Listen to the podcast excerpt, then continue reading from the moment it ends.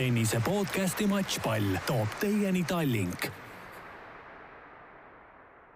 jah, kahju, et ma inimesi muretsema panen, aga, aga millegi nagu sellist suurepärast moodi muretseda ei ole, et, et võib-olla oligi, et mul oli selline momentum ja siis äh, seal Madridis kuidagi äh, nii-öelda lasin ise selle, ise selle käest, mängisin ühe väga hea seti ja siis lasin äh, nii-öelda selle mängu endal kuidagi käest, et läksin samamoodi natuke liiga negatiivselt enda sees ja siis ja siis jah, ma, ma ei oska öelda, et äh, võib-olla selline natuke nagu enesekindlus on ära, ära kadunud, aga aga nüüd ma üritan tasapisi seda tagasi saada jälle iga mänguga, et äh, iga võit on, annab palju juurde ja ma selles mõttes midagi otseselt lahti minuga ei ole, et, et midagi, ma arvan, et väga palju et, et päris paljudel äh, nii-öelda muidugi ideaalis oleks, kui oleks terve aasta selline äh, sujuvas joones liiguks kõik paremuse poole, aga päris, päris paljudel ähm, naismängijatel ka tipp nagu nii-öelda kõrgematel kohtadel on, on selliseid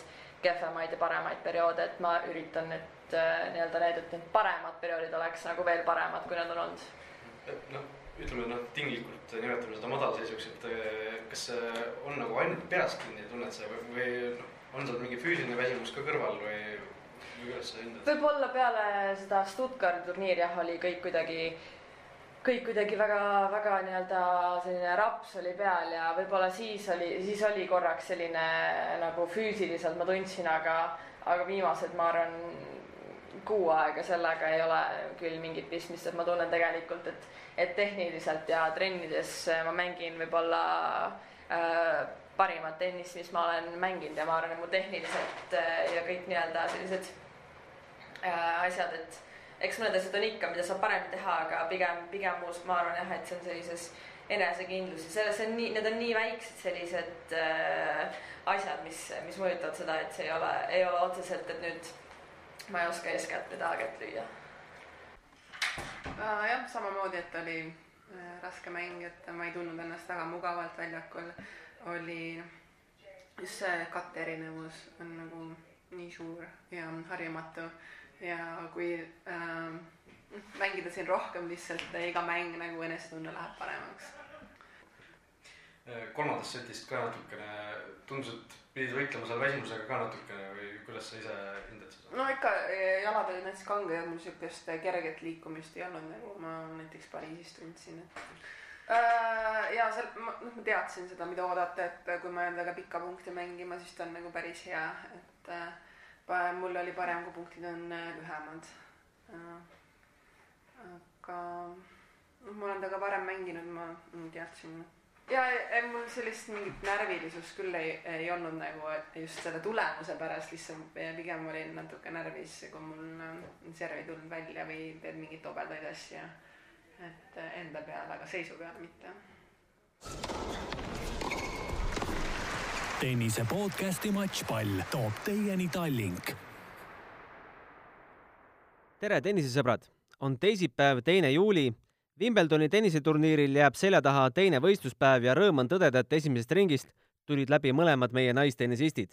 Anett Kontaveit alistas eile ameeriklanna Shelby Rogersi ning Kaia Kanepi oli täna parem šveitslanna Stefani Vögelest. mõlemad võidud tulid küll raskelt, aga peaasi, et tulid. järgmises ringis on Kontaveidi vastaseks kolmapäeval ehk siis homme Suurbritannia teine reket Heather Watson. Kanepi läheb neljapäeval vastamisi maailma kolmeteistkümnenda reketi Belinda Benčitsiga. Minu tänasteks stuudiokülalisteks on kaks tennise inimest, kellest üks on ka mitte just väga kauges minevikus Heather Watsoniga tenniseväljakul kohtunud, kuid enne kui nende juurde tuleme, on mul Skype'i ühendus Wimbledonil kohapeal viibiva kolleegi Raul Ojassaarega. tere, Raul, kuuled sa mind? jaa, kuulan küll klassikaline sissejuhatus, kui ajakirjanikuga selline telefoniühendus on, et äh, oled sa kõhu täna täis söönud, oled sa jõudnud? Äh, ja olen küll jõudnud erinevalt esimesest päevast, kus ma tõesti esimest korda sõin vist hommikul või õhtul kell kaheksa, siis äh, täna nii hommikul hotellis kui siis ka nüüd ühe korra siin päeval Wimbledonis jõudsin süüa küll, nii et kõik on korras. kuidas restoranis toit on? kallis, aga täitsa hea tasemega võiks nii öelda. päevarahadest tuled välja ikka? Äh, no vast tuleb jah, et kuna ma väga palju siin söönud ei ole, tegemist on lihtsalt nii palju, siis äh, noh, see kannatab selle seitsmeteist euro eest ühe kausi pastat ära süüa. no räägi, sinul on see esimene suure slam'i turniir, seni oled telekast vaadanud neid suuri matše. on vähe teistsugune tunne ka nüüd väljaku ääres viibida, kui tead, et sellest sõltub sinu, ka sinu kojuminek? Ja on ikka, et noh, see üks asi see kojuminek, aga teine asi see, see mängutase ja kõik, kõik see, mida sa nagu oma silmaga näed, see on ikka hoopis teine, et et kui ma läksin esimene päev, noh, vaatasin natuke neid mängijate treeninguid, siis see oli ikka, noh, seda oli äge nagu vaadata, et kui, kui kiiresti, no eriti meesmängijate puhul, kui kiiresti need servid tulevad, kui tugevad need on ja kui, kui nagu, kui madalalt see pall võrgu kohalt ikka üle, üle vihiseb, et see oli, oli tõesti nagu väga, väga äge kogemus vaadata lähedalt ja noh si, siiamaani on äge. räägi, sa nägid ka Nick Kirgiose treeningut, seal olevat ka natuke kino saanud ja see oli päris naljakas, et see oli kusjuures päris äh, huvitav lugu oli, kõigepealt ma läksin, äh, äh, noh, läksingi niisama, vaatasin, vaba hetk oli, et lähen vaatan, mis seal treeningväljakutel nagu toimub ja istusin seal siukse esiritta maha mingisuguse pingi peale. Väga ei süvenenud, nagu mul ei olnud seda paberit kaasas, et kes kus mängib ja, ja tükk aega seal nagu mängisid mingid, mingid onud.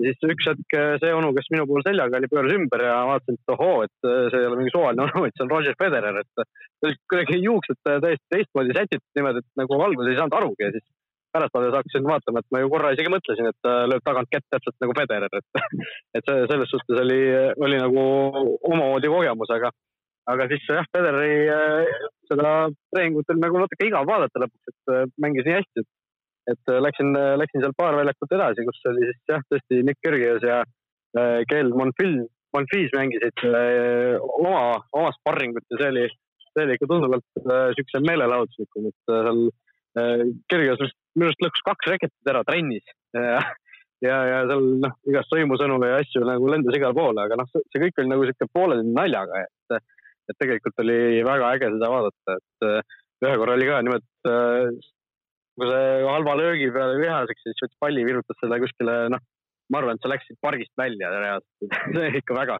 väga kuskile silmapiiri taha see pall lendas, et äh, tõesti oli äge vaadata. no ju ta nägi, et Delfi ajakirjanik on kõrval, et tuleb äh, show'd teha. no ega noh, sinu puhul võib-olla oleks see tõesti nii olnud, et äh, mind vaata nii palju veel ei teata ilmselt. Mul ikkagi kolm suurt slämmi onju. aga räägi tänased muljed no, Kaia Kanepi pakkus jälle pingeid televaatajatele ja fännidele koha peal. Võidunumbrid viis, seitse, seitse, viis, kuus, neli, mitte just kõige veenvamad, aga nagu sa ise ka intervjuus ütlesid, et peaasi, et võit ära tuli. ja seda küll, et noh, see mäng oli tõesti nii üles-alla käis, kui veel põhimõtteliselt käia sai, et seal Kanepil ju esimeses setis oli niimoodi, et iga kord, kui ta suutis vastase servi murda, siis noh, tundus, et äkki nüüd, äkki nüüd see sett nagu Kanepi poole kaldub.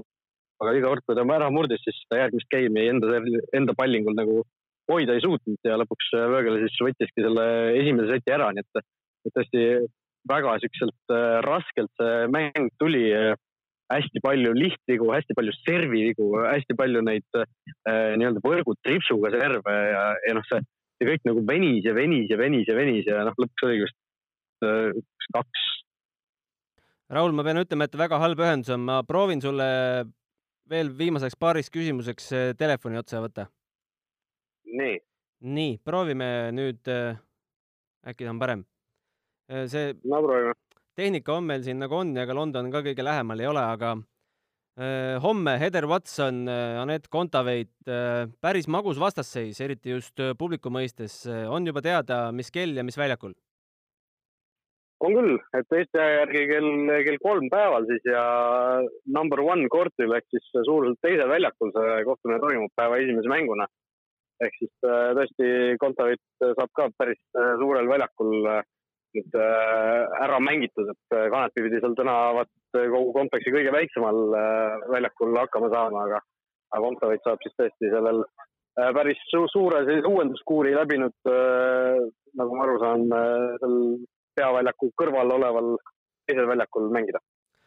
millised sinu enda ootused homse suhtes on ja nii palju, kui sa oled siin äh, seal kohapeal viibivate eestlaste või treeneritega suhelnud, et äh, mida ennustatakse?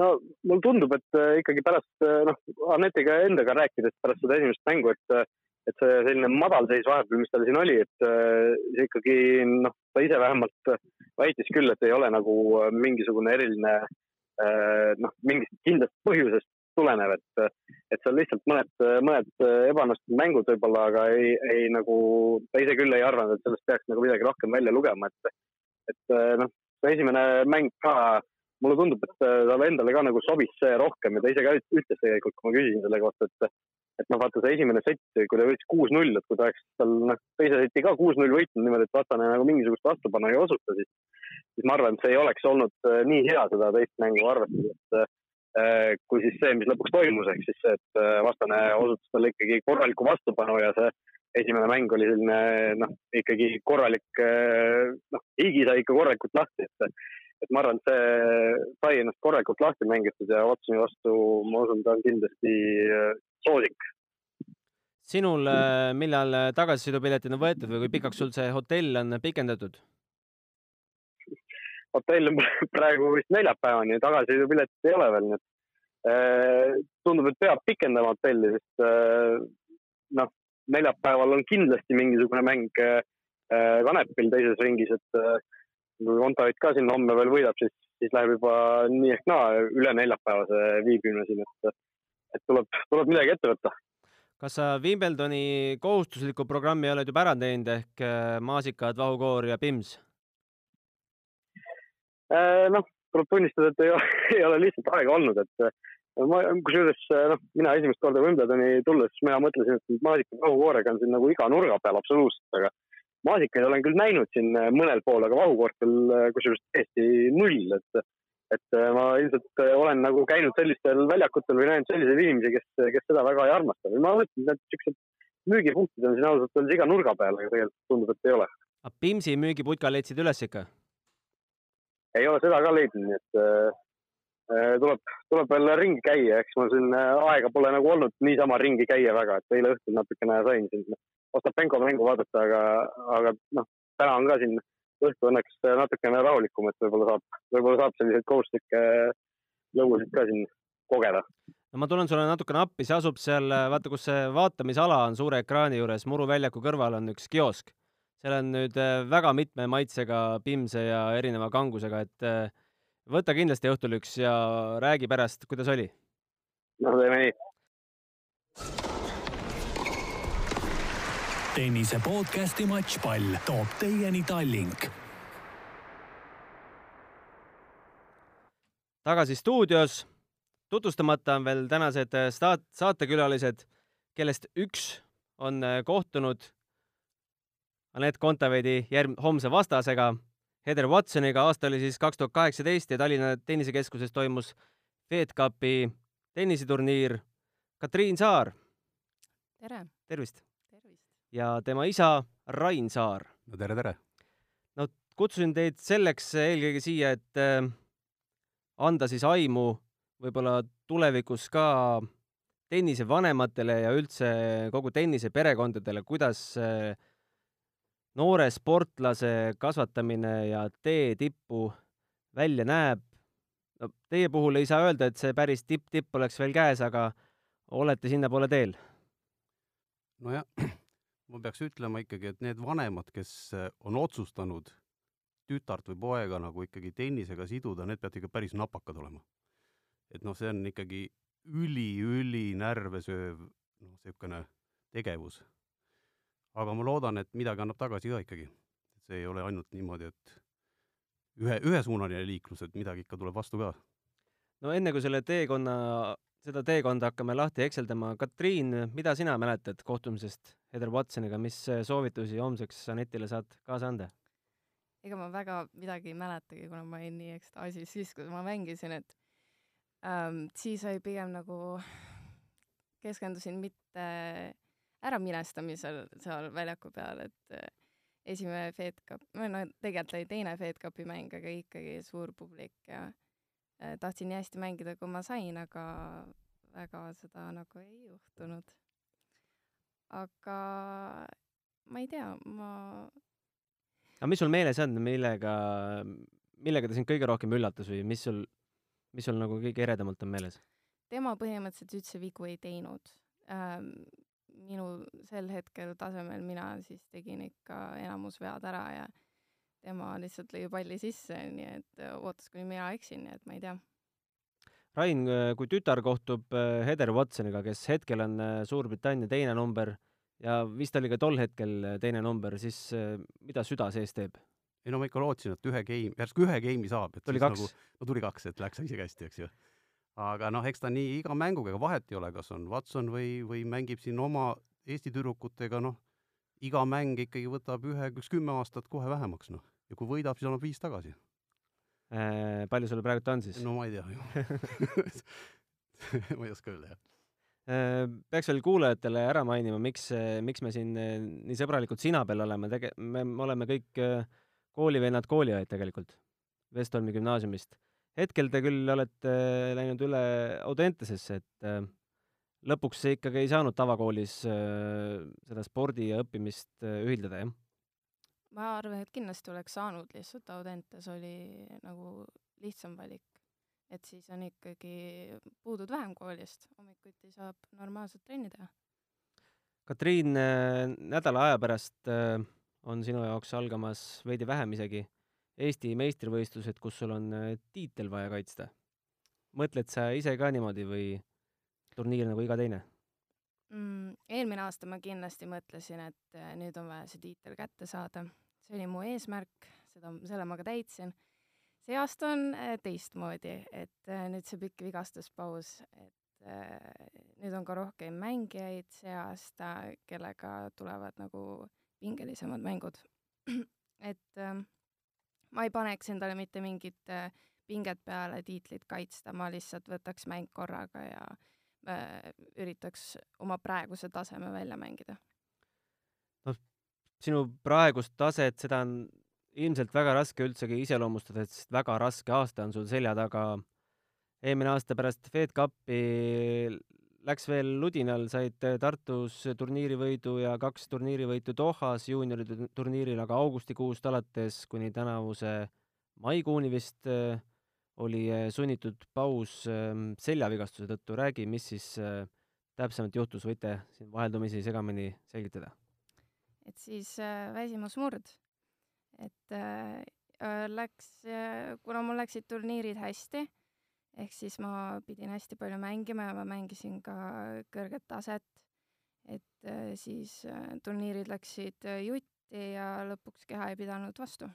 et see oligi põhimõtteliselt see ja, ja ise kõige targem ka ei olnud, et kui tundsin, et on liigset pinget seljas, siis ei tahtnud puhata, vaid tahtsin edasi panna ja pingutasin üle kas sa oled äh, seetõttu nüüd oma treeningutes pidanud midagi kardinaalselt muutma ka?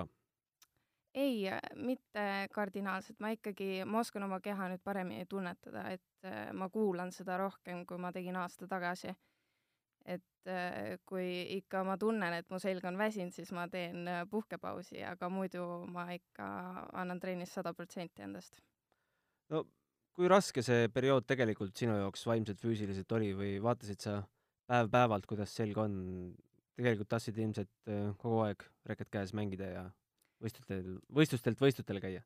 Äh, tahtsin küll jaa, et äh, vaimselt oli see väga raske minu jaoks, kuna on, tennis on ikka väga-väga-väga suur osa minu elust ja mul kõik treenerid, sõbrad on praktiliselt tennisest, et nüüd, kui see minult ära võtta, et siis ähm, ei olnud väga lihtne ähm,. aga selle eest sain ma keskenduda koolile, oma hinnetele, kuna ma läksin Audentesesse esimest aastat, siis ma sain seal uusi sõpru, õpetajatega üritasin võimalikult hästi läbi saada, et äh, mul oli kohe mingi muu asi, millele ma sain otseselt keskenduda.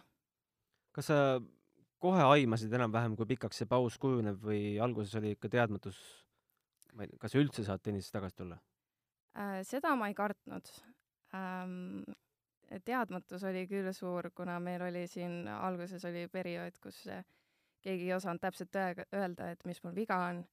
Et eh, see eh, oli väga ebameeldiv, kuna me ei osanud, eh, me siis ei teadnud ka täpselt, et mida me tegema peaks, et nagu paremaks läheks, et ma uuesti mängida saaks. ja siis olidki sellised perioodid, et äh, tegime pausi kuu aega, siis üritasin jälle, pingutasin uuesti üle, siis tegime uuesti pausi, et äh, me nagu oleks pidanud lihtsalt ühe suurema mingi kolmekuulise pausi tegema ja siis oleks see, ei oleks läinud kümme kuud, olekski olnud kolm kuud ja siis oleks äh, kõik hästi olnud. aga oleks-poleks, no ma ei tea, meil lihtsalt nii läks. igatahes äh, järgmine nädal oled sa oma parimas vormis hetkel või kuidas sa, kuidas hetkel oma seisundit, kuidas see mängu mõjut-, kuidas see su mängule üldse see paus mõjutab, et pärast päris keeruline on tagasi tulla? Raun Rain räägib ise. ma hüppan vahele, sellepärast et äh, nüüd tal on ka uus reket, mis ootasime, et Clash tuleb välja, nüüd see on, nüüd on tal see käes ja, ja no ühel hetkel pidi selle sammu tegema, noh, sa saad kogu aeg edasi lükata, ja aga noh, Wilson andis nüüd uue reketi, tuli välja see nõndanimetatud ime-Clash ja eks sellega nüüd on vaja harjuda ka, et, et see on ka päris, päris suur muutus, et mis see suurim muutus ja erinevus seal on siis? no tal on tasakaal on täitsa teine, kõik on teine, absoluutselt kõik on teine. nii et, et äh, see on nii imereket pidi olema, aga et näiteks kui Katriin tegi siin Andreiga trenni, siis Luus ei saanud üldse selle reketiga mängitud, ütles, et Katriinil peab ime hea tunnetus olema, et, et sellega mängida saab, et noh, mängisid natuke punkte seal ja ja Andrei Luskin oli ikka väga hädas. ei, aga ma arvan, et see pausist tagasitulek on äh, jällegi väga raske on minu jaoks, äh, sest et äh, ma ei suuda enam teha neid lööke, mida ma suutsin eelmine aasta. ma ei kontrolli seda palli nii hästi, et kui eelmine aasta ma mängisin äh,, mängisin võistlusi, siis ma teadsin, kuhu ma tahan lüüa ja ma lõin selle, lõin selle palli sinna nüüd äh, see praegu väga nii ei ole, et ikka tuleb siin äh, eksimusi küll, et meeter või kaks meetrit, aga ma ei saa, ma ei saa midagi teha, ma ei tohi nagu pead norgu lasta, et see on äh, okei okay,, et treenerid on, treenerid on mulle rääkinud, et see tuleb ajaga. ja eks ma siis saangi ainult endast parimat anda. no viimane kord, kui teiega kolmekesti laua taha maha istusin, toimus see vist vana hot-, vana nimega Hotell Tallinna kohvikus, mis ta nüüd tänapäeval on, kes seda teab, äh, siis äh, sai räägitud, et äh, võtsid sa kolme või nelja aastat reketi kätte nüüd? kolme aastat võtsin reketi kätte, aga nelja aastat läksin trenni. et algus oli vist päris koomiline, et tegelikult Rain, sina vist ise, nii vähemalt on paberil kirjas, mängisid abikaasaga ja ühel hetkel ütlesid Katriinile, et ole sina jaa, mine nüüd kõrvale, sinust ei saa kunagi tennisisti. jah, see on tõsi, sellepärast me mängisime neljakesti, noh, mul kaksteist tütart veel, kes mängisid sellel hetkel juba tennist ja siis me perega olime neljakesti ja Katriin tuli ka sinna väljakule, nagu meil koduväljakule sinna jalgu, tuli segama põhimõtteliselt. tahtsin ka proovida. tahtis ka, no jah, ja siis ei, sa olid juba natuke aega vist ikka trennis käinud ka ja ja see on tõsi, et ma ütlesin, et sinust ei tule kunagi tennisemängijat, see, see lause on küll jah, et, et aga noh, ilmselt see siis ongi teda motiveerinud natukene, et tõestamaks, et ma eksisin. kindlasti, aga mille järgi te oma esimese trenni valisite? ma, mul endal on ka viieaastane tütar, et tegelikult eh, tahaks ka kuskilt alustada, aga millal ja kuidas, eh, kuidas teil hakkas pihta? Meil oli lihtne, ma hakkasin ise mängima, siis ma, Sven Eving oli minu see õpetaja või treener, kuidas me nimetame ja ja siis vanem tütar läks sinna Kalevisse, läks mängima, jah Meribel siis? ei, vanem tütar, kes kõige vanem, kõige vanem õde neist, meil on kolm, kolm tütart ja mm -hmm. ja siis, kui Juulika Leik oli, siis jäi rasedaks ja see trennid lõppesid, siis mul Katrin sellele Krisul, Kristinil jäid need trennid nagu pooleli ja, ja noh, siis sündisid juba need kaks tütart, kes otsustasime, et okei okay,, et, et siis, siis proovime nad siis viia nii kõrgele siis spordimaailmas, kui vähegi võimalik on muidugi me vaikselt lootsime, et Meribel mängiks ka tennist, aga noh, kui ta otsustas, et ta ei taha püsti seista, vaid tahab vees pikali olla, siis noh, vanemate asi on ikkagi aidata last, et sundimisega ei tule midagi. aga noh, ja, ja siis oligi samamoodi oli, eks Meribelli vaadati, et ta väga andekas ja ma arvan, et ta lööb praegust ka kakssada kilomeetrit tunnis servi, nii et noh, aga, aga, aga noh, Katriini ei märgatud sellel hetkel keegi ei märganud, et see on kah naljakas tegelikult, et see, kes sa väiksena oled, eks see ei tähenda mitte midagi. ühel hetkel lihtsalt see avaneb ja et siis kolmeaastaselt trenni? no minu, mina veel paneks veel varem, ma arvan, et aga millal, millal te saite aru, et Katriini reaalselt ka huvitab see, et ta tahab äh, seda teekonda jätkata? vot seda ma küll ei oska ütelda, sellepärast et ma ei, vot seda ma tõesti ei tea, millal see nagu huvi tuli või mismoodi see tõesti nagu, vot võib-olla ta oskab ise seda nagu Mäletad sa ise? ja, ja aga millal ma ujumas käisin, kui vanalt? No sa käisid ka siis, kui esimese klassi ajal oli sul ujumine ka, et no vot, aga siis oli vahe selles, et kui ma pidin ujuma minema, siis ma nagu väga ei tahtnud minna, eks ole. aga kui ma pidin trenni minema, siis ma olin väga nõus, et ma arvan, et sellest võib välja lugeda, et kuhu ma tahtsin minna ja kuhu ma ei tahtnud. see on väga keeruline jah, et vanemana ära tajuda, et, et mida nagu laps, millele ta nagu andet on. ja noh, sa võid ju sundida ta klaverimängijaks, aga kui ikkagi laps, ma olen ise pidanud mängima klaverit niimoodi, et õpetaja oli kõrval ja pidi heliredelit taguma, noh, et see ei olnud eriti meeldiv. ja noh, laps peab tegema seda, mis talle meeldib, lihtne. mm. -hmm. eks ma oleks öelnud ka kohe, kui ma ei taha. no Meribel ütleski, nii oligi.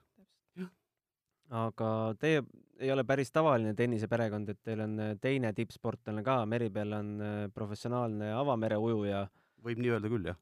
ma ei tea, kas ta raha nüüd sellega saab, aga noh, ütleme Eesti mõistes ta on ikka päris tugev, jah. ikkagi no tippsportlane. ikka tippsportlane, jah. et äh, kahte tippsportlast kasvatada on ju topelt raske. no see on eriti keeruline, jah. ja me, sellepärast me lootsimegi, et Meribel oleks ka tennist tahtnud, et siis nagu palju lihtsam, üks treener, ühed võistlused ja kõik, noh, kõik on nagu, need kulud on ju poole väiksemad sel juhul. aga nagu üks on täiesti teisest maailmast, noh, see, aga samas on põnev jälle, noh. ja ei ole siis, ja si-, jah, ja, ja ei ole sisemist konkurentsi ka, et see on väga keeruline, kui ühel tütrel hakkab paremini minema ja teisel kehvemini, et kuidas sa siis noh, siis on nagu täiesti kaks eri maailma ja võitlevad seal, jah, elavad nagu oma maailmas. no kui ma siin äh, erinevate noortennisistidega olen tenniseajakirja lugusid teinud, siis klassikaline küsimus on see, et kas sa tahad, et su ema-isa oleksid tribüünil vaatamas või sa ei taha. milline lapsevanem on sinu ema ja isa olnud, et äh, on sulle meeldinud, et äh, vanemad vaatavad kuulipilguga pealt? Olen öelnud, et ärge vaadake, kõik ka vaatavad. nii et äh, ma olen nüüd natuke alla andnud. ei, aga tegelikult praegu, noorena mulle ei meeldinud see üldse, sest see pani mulle lisapinget peale, aga nüüd, nüüd mul ei ole vahet.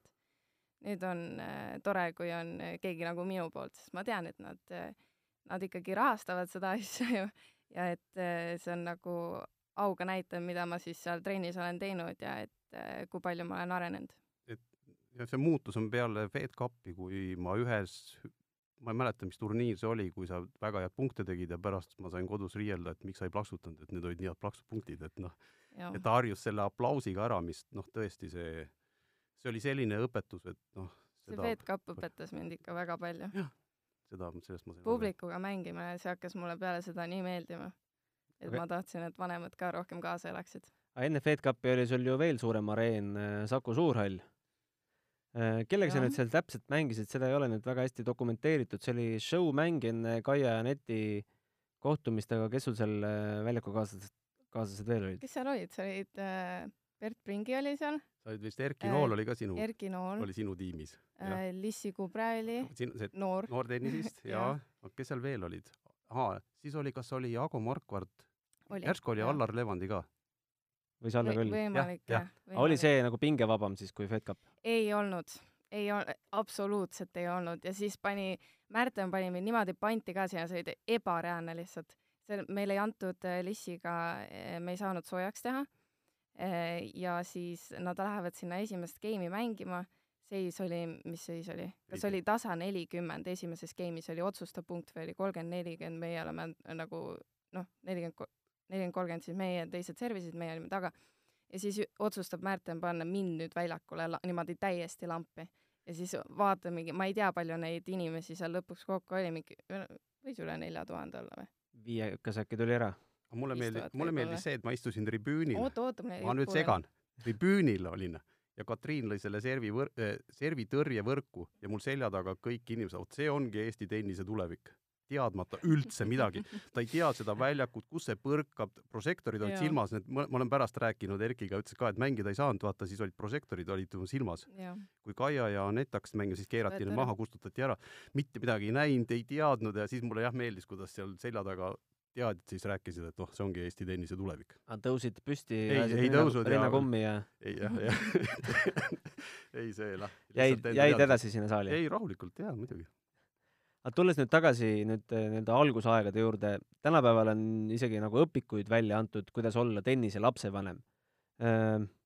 kas sa hakkasid nii-öelda nullist kasvatama Katriini tennisistiks või oli sul kuskilt mingit nõu või abi Täiesti. üldse saada? täiesti nullist.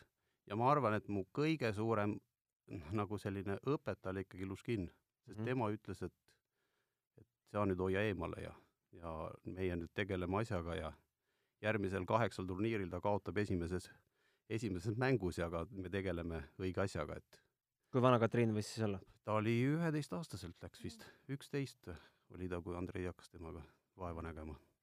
et äh, kas ta ütles seda niisama või sul oli kombeks äh, sekkuda? ei no ikka vanemad ju sekkuvad, ega see on ju, eriti ema, noh, nad ju nabanööri pidi koos olnud, et ikka sa tahad ja muretsed ja neid asju on väga-väga palju, mis see noh, sa ju näed, sa ju, ega see, kui sa oled pime ja kurt, eks ju, siis sa ei noh, ma, ma olen alati imestanud neid vanemaid, kes saadavad lapse trenni, ise ei näe mitte midagi, laps küsib, pärast õhtul küsid, kuidas läks, hästi läks, aga mis see tegelikult on? noh, selline see asi on, et sa pead ikkagi natukene kõrvalt jälgima, mis toimub mm. -hmm. tenniseliidu kodulehel on ka väike meelespea noortennisisti vanemale. tsiteerin sealt ühte lõiku. paljud probleemid tekivad lastevanemate püüdest oma last aidata, kuid tihtipeale tehakse seda valesti. uurimused on näidanud, et lapsevanema toetus ning huvi tihtipeale mõjub pärssivalt lapse tennise osalusele. samuti on ka välja toodud, et suur osa psüühilisest ja emotsionaalsest stressist, mis mõjutab noorte mängu, on põhjustatud vanemate poolt. Katriini kommentaar sellele on siis äh, põhistress kodust pärit? um, eks see oleneb ikka inimesest, mängijast endast ja ma olen nõus sellega, et seal on piir, et äh, kuidas nagu, kui palju vanemad võivad sekkuda. ja no ma arvan, et me oleme selle, tegelikult ma ei tea, kas me oleme selle piiri üles leidnud või kas meil on kõik okei okay. selles mõttes kindlasti oli perioode, kui ma äh, kui kõige suurem stress oligi nagu vanemate poolt, aga ma olen õppinud äh, sellega kuidagi hakkama saama. Selles mõttes, et noh, nad on mu vanemad, muidugi nad muretsevad, muidugi nad tahavad teada nagu, mida ma teen ja miks ma teen, kuidas ma teen. see on nii loogiline ja lapsed peavad sellest ise ka nagu aru saama. et siis, äh, kui mina niimoodi mõtlema hakkasin, siis see enam ei häirinud mind, ma teadsin, et nad toetavad mind sada protsenti ja äh, rohkem polegi vaja. ja ma natuke mõistan ka vanemaid, vaata, sellepärast et tegelikult on tennis ikka jube kallis ala. Ja sa tahad, et sul laps õnnestuks, et järsku keegi märkab ja järsku keegi hakkab toetama, võin teile öelda, mitte keegi ei hakka. sa võid olla ükskõik kes, kui sul ei ole noh, no ma isegi sugulased tõenäoliselt ei aita. sest eestlasel on see kadedus ikka nii suur sees, et noh, see, miks tema laps peaks nüüd kuskile jõudma. aga siis, kui sa oled ikkagi läbi suurte raskuste kuskile jõudnud, siis kõik patsutavad õlale, tahavad pildi peale tulla, eks ju, et et see ongi see värk, et noh, sa nõuad nagu lapselt hästi väiksena e- õnnestumisi, aga siis, kui Andrei tegi meile selle selgeks, et noh, unustage ära, et nüüd noh, see ja me saime sellest aru, et noh, ta ütles, et kui Katu püsib tervena, siis ta jõuab väga kõrgele. noh, ja ongi nagu koorem läinud, aga noh, selleks, et seda, seda lauset nagu väga vähestele öeldakse seda. ja teiseks muidugi see, et, et sul noh, jälle neljandat korda juba ütlen, et sul peab rahakott puuga seljas olema. et no muidu sa võid ju siin andekas laps olla, aga kui sul see Šveitsi treener Rolf käis siin ju vaata, kui ta tegi treeningut, siis ütles kunagi, et lapsevanemal peab olema viiskümmend või kuuskümmend tuhat eurot aastas võtta. noh, kui lapsel, Kati oli väike, kaksteist või mis ta siin need olid, kümneaastased või ma ei, isegi ei mäleta, aeg läheb ju nii kiiresti. siis me mõtlesime ka, et, et noh, see summa, noh, tegelikult noh, see noh, tegelikult on summad ikka kordavalt suu-, korduvalt suuremad, jah. ei, aga mina kui mängija, siis mul tekitab see ka stressi, et ma tean, kui palju raha läheb äh, tennisesse. ja kui me lähme võistlustele, kui ma lähen oma treeneriga võistlustele ja ma ei suuda seda saavutust teha, mida ma tahan või noh, mida minult oodatakse, siis jälle on, et minu jaoks on terve see raha raisku läinud. et see on nagu vaimselt on see jube raske minu jaoks, aga sellest peab kuidagi üle olema, noh. Need on äh, nagu sõna-sõnalt read selle meelespea ühest teisest lõigust. Võib-olla te ise kirjutasite selle, mul selline tunne ei, ma arvan, ei ma, ega siin, ega jalgratast ei pea leiutama ju, noh mm. -hmm. nagu nii ongi. aga ma ei tea, toetajate juurde tagasi tulles, mis hetkel siis äh, nii-öelda abilised siis külje alla hakkasid ujuma, nagu sa ütled? ei ujunud mitte kedagi. Ma räägin, et tehke, mis tahate, kui sul ei ole no ma ei tea, võib-olla on tõesti mingi teene kellelegi, siis nagu, aga niimoodi lihtsalt, et noh, sellest on nagu andekas ja eriti nõme on siis, kui isa käib veel ütlemas, et kuule, et, et sellest võib midagi saada, eks ju, et järsku toetad, onju. Mhm. ja, ja, ja, ja tubli, tubli, patsuta edasi, eks ju, noh, et, et aga tenniseliidust on küll palju abi. et kui sa oled juba jõudnud teatud tasemele, saad sinna Tallinki tiimi näiteks, et sa ikkagi oled seal, saad väljakuid tasuta, sest tegelikult väljak on ikkagi ülikallis. -hmm. kui sa tahad talvel nagu ka trenni teha, noh siis lisaks treenerite muudele asjadele, aga noh, need reisud ja võistlused ja noh, see on nagu noh, see on tavainimesele, kui sa räägid, eks ju, noh, kui sa ütled, see on naljakas ka, eks ju, sa ütled äh, rikkale inimesele, et noh, sul on vaja sada kakskümmend, sada tuhat eurot näiteks aastas. no mis summa, see pole midagi, ma just ostsin kuuekümne tuhandest maali, on ju. et no mis sa Mhm. siin virised, on ju. ja ütled tavaline inimesele, eks ju, et sul on sada tuhat, ta ei saa jälle aru, et millest sa räägid, on ju. Ja mis nagu on, mida ma olen nagu tihti kuulnud, kui ma räägin, et tütar mängib tennist, et noh, mis see on, eks ju, et lähed siis, lähed ostad Prismast endale selle või noh, kuskilt ostad reketi ja noh, ostad veel kaks palli ka, ühe palli, kui mängitakse, eks ju, et mis sa teise võtad Mhm. igaks juhuks kaasa ja ja saategi hakkama, onju, ja siis, kui sa kuuled, mis tegelikult on keelestamised, mis see kõik on, noh siis noh, nii ta on, eks ju. see on reaalsus lihtsalt. aga kui sealt Tallinki juurde tulla, palju sellest Tallinkist hetkel abi on, mis summadega Tallink toetab noori tennisiste? No et- tenniseliit nagu rohkem, aga ma räägin, et, et äh, Katriin on, eks ju, selles Tallinki tiimis ja seal väljakuid põhimõtteliselt ta ikkagi saab tasuta nüüd. et see on juba jupp aega niimoodi olnud ja Tallinki ja, tennisekeskuses ainult ja, siis? ja noh, eks Tenniseliidu poolt ka siis Hernes ja noh, nii nagu see, aga selleks sa pead jõudma juba kuskile, noh, sa pead ennast näitama ja sellepärast jälle nõutakse, vanemad nõuavad, et sa väiksena oled edukas jälle, sest noh, muidu ei märgata sind ju noh. Mhm. ja nii samas sa- Eestis on see nagu palju lihtsam, kui sa võtad mingi Venemaa võrreldes noh, et siis siin kuskile jõuda on palju lihtsam. no Venemaal on lihtsalt mängijaid palju jah, et siis nad seal mängivad oma vanustega ja muude asjadega, et Mhm. teha aga ennast suured nooremaks. sponsorid, vot No siis ikka. sa pead ikka, minu, ma ei tea nüüd, aga minu meelest on niimoodi sponsoritega, et eh, nad eh, tulevad just siis, kui sa juba oled saavutanud midagi, siis kui sul tegelikult, sul otseselt enam ei ole neid vaja. Aga minu nagu loogika järgi oleks sponsoreid siis vaja, kui sa hakkad saavutama, siis kui sul tõesti on seda raha vaja. siis, kui sa oled juba tippu jõudnud, siis sul ise sa teenid välja selle oma spordiga. et ma ei tea, ma ei tea. seda on väga raske ju äh, tegelikult firmadele selgitada. üks oluline, see, kes Katriini toetab, on e-sport küll jah mm. -hmm. et, et Adidas, Tamla Märten tõi ta sinna Katriini mängu vaatama ja Estikatele. Estikatele jah mm. -hmm. ja, ja Katu jättis jah, tekitas muljet ja, ja nüüd on Adidase asjad on tal jah, täitsa, et see on küll väga suur, väga suur Mhm. abi on see, tõesti on. ja ma arvan, et isegi mitte see, see, aga lihtsalt, et Katriinil on oluline, et keegi märkas teda Mhm. et noh, see on nagu kõige olulisem, et sul, et sa ei tee seda tennist mitte ainult endale, mitte emale, isale ega vanaemale, vaid noh, keegi veel nagu noh, tõesti nagu jälgib ja tunneb muret ja, ja on huvi, et, et see on nagu jõle oluline, sest muidu sa võid ju lihtsalt nagu metsas puid raiuda ja Mhm, ka sporti teha, eks ju. noh, see tegelikult on see show ju, noh, see on ju noh, see on ikkagi etendus. aga mis hetkel sa, Katriin, aru said, et keegi märkab sind? et äh, sa oled äh, kuskile pildile jõudnud, mingile teatud siis, kui tasemele? ma hakkasin in- intervjuusid tegema aga samas siis tuli ka siis, kui ma Orange Balli võitsin ära, siis ma olin juba saavutanud midagi, siis hakati alles huvi tundma. et äh, tegelikult, kui aus olla, siis äh, Andrei oli Andrei oli selline inimene, tänu temale ma tundsin nagu, et oh my god, et tema nagu nägi minus midagi äh, nagu nägi minus tulevikku nii-öelda. ja see juba üheteistaastaselt? umbes Mhm. nii, jah. ja see juba andis mulle äh, lootust ja äh, nagu mitte, no andis nagu seda Motivatsiooni. motivatsiooni. just, motivatsiooni. see oli see sõna, mida ma aga ütlesin. mäletad sa oma esimest intervjuud, kus ja kus see võis ilmuda? mina küll ei mäleta. sul on kindlasti välja lõigatud seina peale no, kindlasti on, aga ma, kuna ma räägin, mul on ka teine tütar, siis mul on need Mhm. asjad kõik sassis, et ma nagu noh, kuigi mul see on oli üles see kirjutatud. tenniseajakirja ju see ju. aa jaa, see oli tõesti kolmeteistaastane järsku, kaksteist, kolmteist, siis kui kõik tüdrukud olid juba läbi intervjueeritud, siis oli minu kord tenniseajakiri, tenniseajakiri, just täpselt nii oligi jah. mm. -hmm. Mäletad sa ka, mis sa seal ütlesid, mis sa oma sihtideks seadsid? äh, sihtideks. Marek, kas ma ei öelnud, et ma tahan olla top kolmkümmend maailmas või? ma seda ma ei tea, kas sa Nii, tahtsid muusikut, tasa- tahtsid, ma, ma tean, et sa tahtsid, rohkem rääkisid muudest asjadest muusikast ja muudest hobidest. hobidest kui sellest tennisest, mida oskab kolmeteistaastane tennisest rääkida, no see ei ole ju noh, päris, päris, kellelgi ei ole huvitav seda kuulata, et ei, noh, ma ma tahan, jah. tahan olla samasugune nagu Serena Williams, noh, see ei ole mingi jutt, eks ju. Mhm, kõik tahavad teada, et ma olen maailma parim, ma ütlesin, ma tahan kolmkümmend olla. kolmekümne sees, et siis oleks juba hästi. ei jaa, aga ma rääkisin hobidest ja mingi golfist ja, ja muusikast ja ma ei tea, kas ma kunstist sel ajal rääkisin, nüüd on kunst on minu jaoks kõige suurem hobi, aga noh.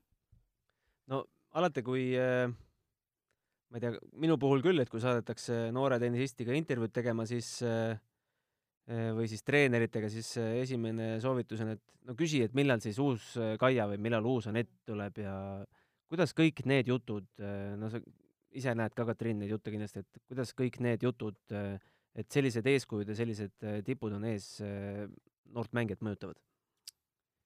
Äh, võrrelda meid ei tasuks, sest mina ei ole Kaia ja ma ei ole ka Anett. et äh, mul on oma rada ja ma teen kõike, mida mina olen võimeline tegema.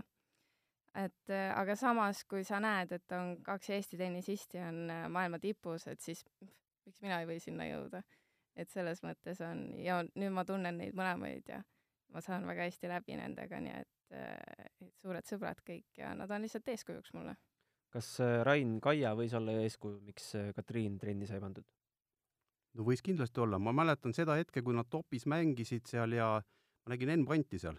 Siis ma rääkisin Ennule, et kuule, too Kaia Kanepi sinna topi, sinna tüdrukute ja poiste trenni, las ta teeb väikse siukse sparri ja väiksed autogrammid ja, ja noh, see oli siuke, siukene noh, nagu uitmõte.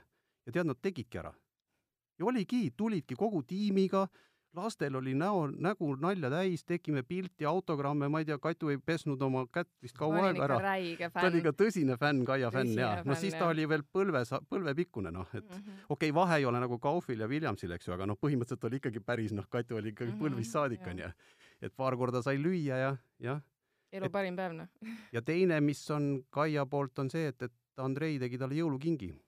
kui ta siis lubas Katriinil mingi, ma arvan, et ta olid viisteist järsku või midagi sellist.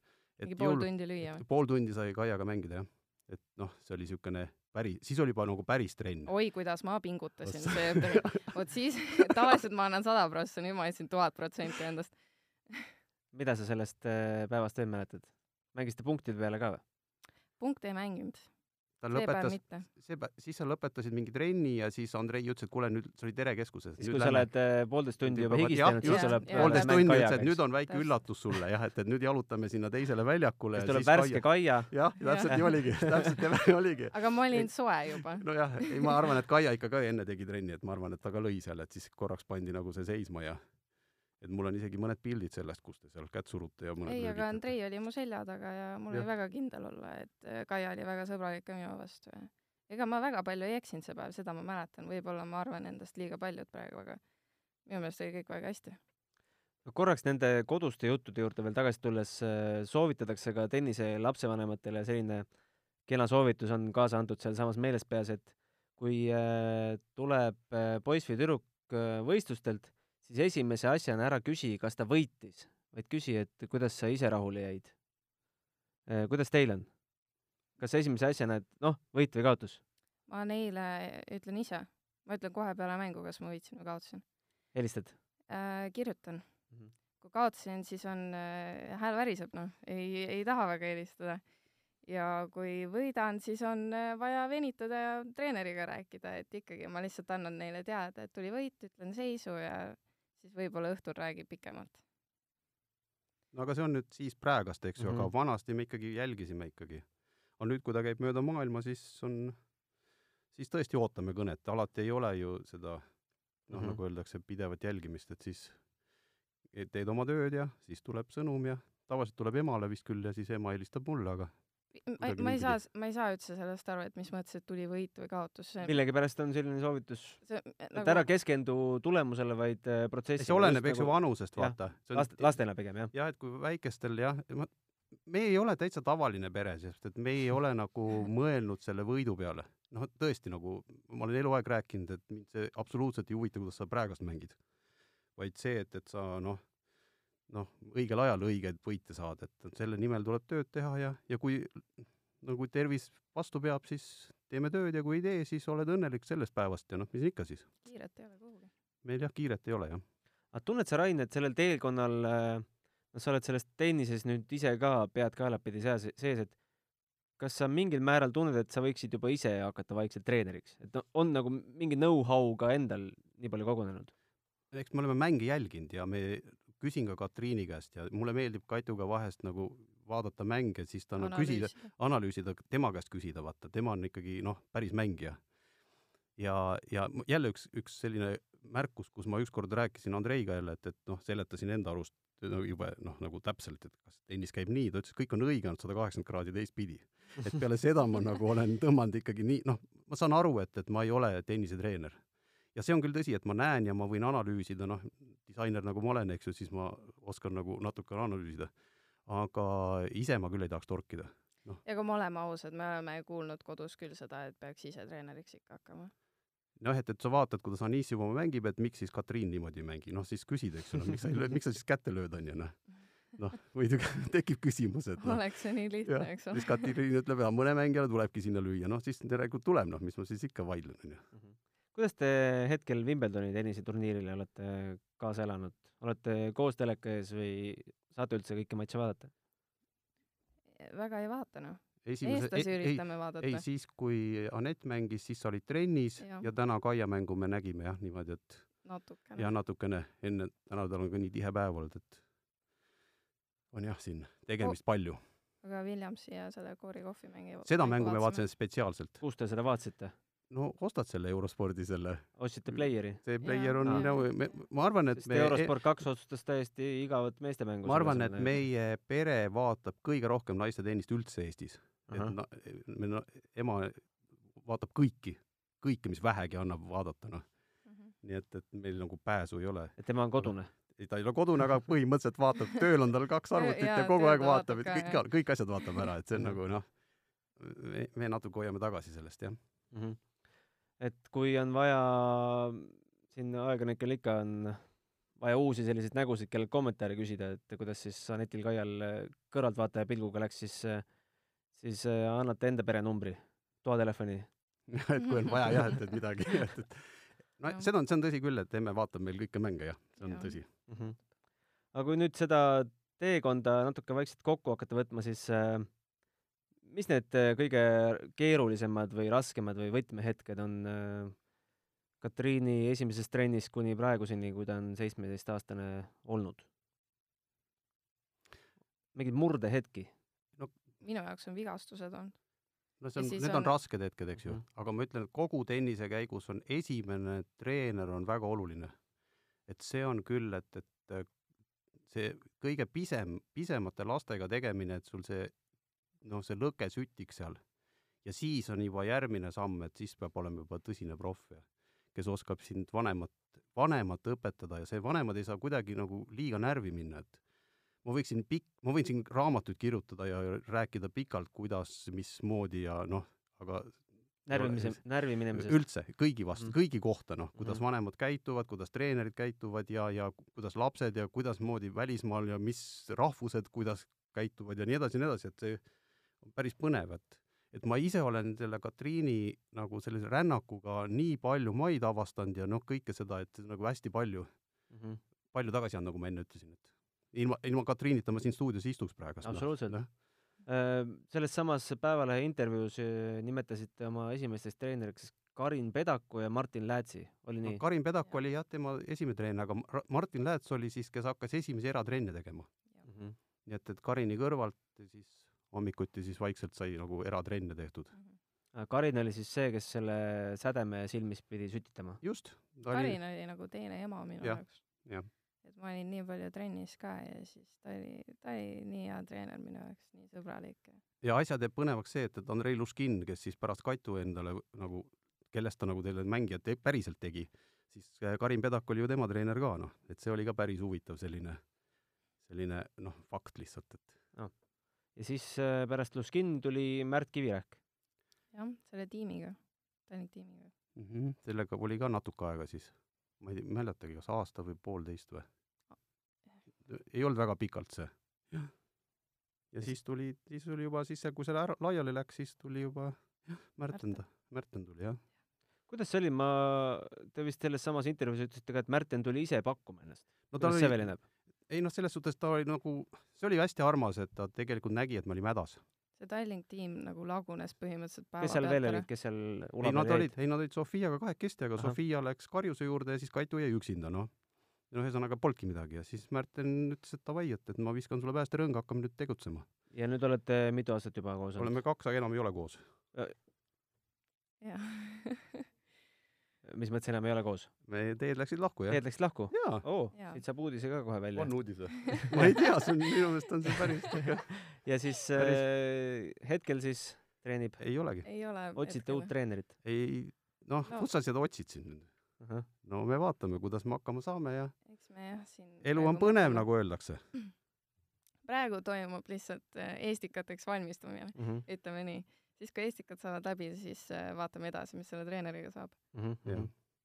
aga see on tõesti selline paratamatus, ütleme, et noh, see ükski asi ei ole lõplikult Igavene. igavene, igavene jah, et, et noh, need läksid niimoodi ja õnneks on äh, vaata, Katriin on selline suhteliselt noh, tore tüdruk, et ta saab kõigiga läbi ja, ja siis kõik treenerid, kes, keda, kes keda treenivad, siis kutsuvad Katriini nagu sparriks või saavad koos trenni teha, et ma olen väga tänulik Jah. selle eest. see on väga-väga noh, mul teeb, mul ka teeb südame soojaks, et kõik, kõik treenerid kutsuvad, et tule, Katriin, teeme, teeme, mängime ja mängime ja, ja aitavad ka ja, ja ei ole niisama, et, et noh, tule lihtsalt löö ette, aga et noh, eks praegust on selline teistmoodi aeg jälle nüüd, no vaatame, mis see välja toob, eks. ta käib Audenteses ka ja sain aru, et seal Audentese tiim jätkab ja noh, vaatame. kes seda Audentese tiimi veab? ikka Andrei jah. Andrei. ja nüüd on poisid lähevad ju ära, kõik läksid Ameerikasse ja ma nüüd kuulsin, et neli tüdrukut jääb ja ja, ja siis Võib-olla Alex ei Alex jääb ka, eks ju, et noh, Alexil on nüüd jälle üks trauma jälle ja noh mm. -hmm. see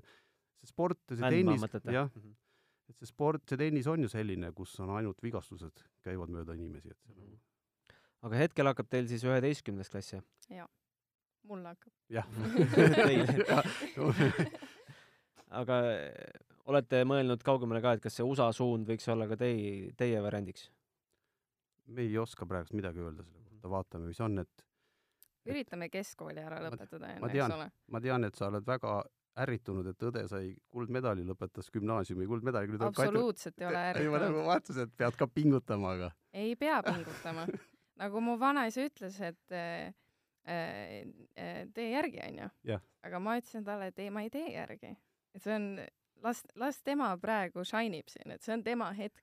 mina teen nagu mina suudan et ma, ma ei paneks küll, et ma pean nüüd mingi kuldmedali saama, sellepärast et mu õde sai. et äh, ma annan endast parima, aga no ma ei tea.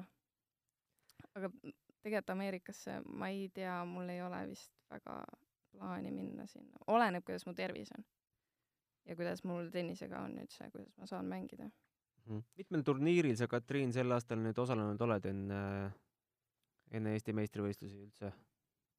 Äh, neli äkki või? võib-olla jah mul oli esimene Kreetal, ja, siis mul oli üks äh, GP Eestis, ja siis äh, olen Saksamaal siin vahepeal käinud ja siis käisin Hollandis.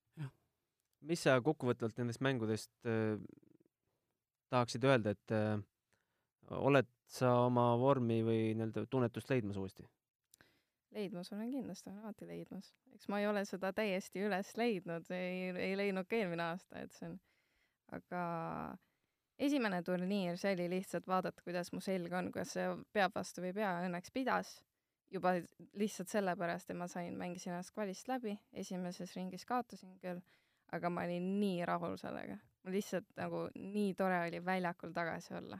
ükskõik, kas ma võitsin või kaotasin, see oli nagu puhas rõõm ja siis äh, Eestis oli, aa, üks oli veel äh,, Tallinna see juunior open, kolmas kategooria, seal, kus ma sain veerandfinaali. vot see oli hea turniir, seal ma mängisin äh, päris okeilt, aga need viimased kaks turniiri ei ole väga õnnestunud, aga no mis seal ikka. kas sa nüüd äh, viimased turniirid ei mänginud Sofiaga mitte paari? Ma mängisin äh, jah, eelviimane turniir oli Saksamaal, mängisin temaga paari. et kas te hetkel siis äh, temaga koos hetkel reisite või olete sellise ühise ei, meil lihtsalt, meil lihtsalt juhtus niimoodi, et me mõlemad plaanisime minna samale turniirile. mm? -hmm. Eesti ma- mei-, aga ma saan aru, et nad vist mängivad Estikatel vist koos paari, jaa, et nad leppisid küll. seda ka, et, et jah, kui keegi plaanis. mingit rangluudera ja muud. nad pidid Alex. Mändmaga ka paari mäng, segapaari mängima Mhm. mm, -hmm. aga poiss otsustas rangluu murda, eks ju, et noh, siin nagu ja segapaar jääb ära, jah? siis noh, ja segapaari jah. ära. ja ega me ka ei taha, et ta kõikidel osaleb, vaata see on ikkagi, kui ta, kui tal selja pärast tuli tagasi, siis hakkas kohe kõht valutama, kui kõht kõhuvalu sai üle, siis hakkas õlg valutama, et see tähendab seda, et kui sa ikkagi noh, selleks pingutuseks täis valmis, eks ju, siis sa noh, teedki ennast katki. Aga Eesti meistrivõistlused äh, on see sinu senise aasta nii-öelda tipphetk, mida sa ootad? äh,. ei tea, selles mõttes praegu ma olen äh, väga äh, elevil. ma ausalt, ma räigelt ootan Estikaid, ma juba tahan mängida, sest et ongi, peaaegu kõik äh, mängivad siin Eestis ja saab häid mänge ja ma ootangi seda ja äh, saan näha, kuidas mu enda tase on hetkel nüüd, kui ma siin nädal aega siin äh, üritan räigelt pingutada, ennast vormi saada. ma ei tea, mis ma selle nädala ajaga küll suudan nagu ette võtta, aga eriti kui mul treenerit ka ei ole. aga lihtsalt ma lähen väljakule ja naudin. nagu ma enne ütlesin, ma ei, ma ei lähe seda tiitlit nüüd otse, otseselt Kaitsma. kaitsma. nagu kaitsma jah, et äh, aga tiitlikaitsjana saad sa esimese paigutuse? ei saa?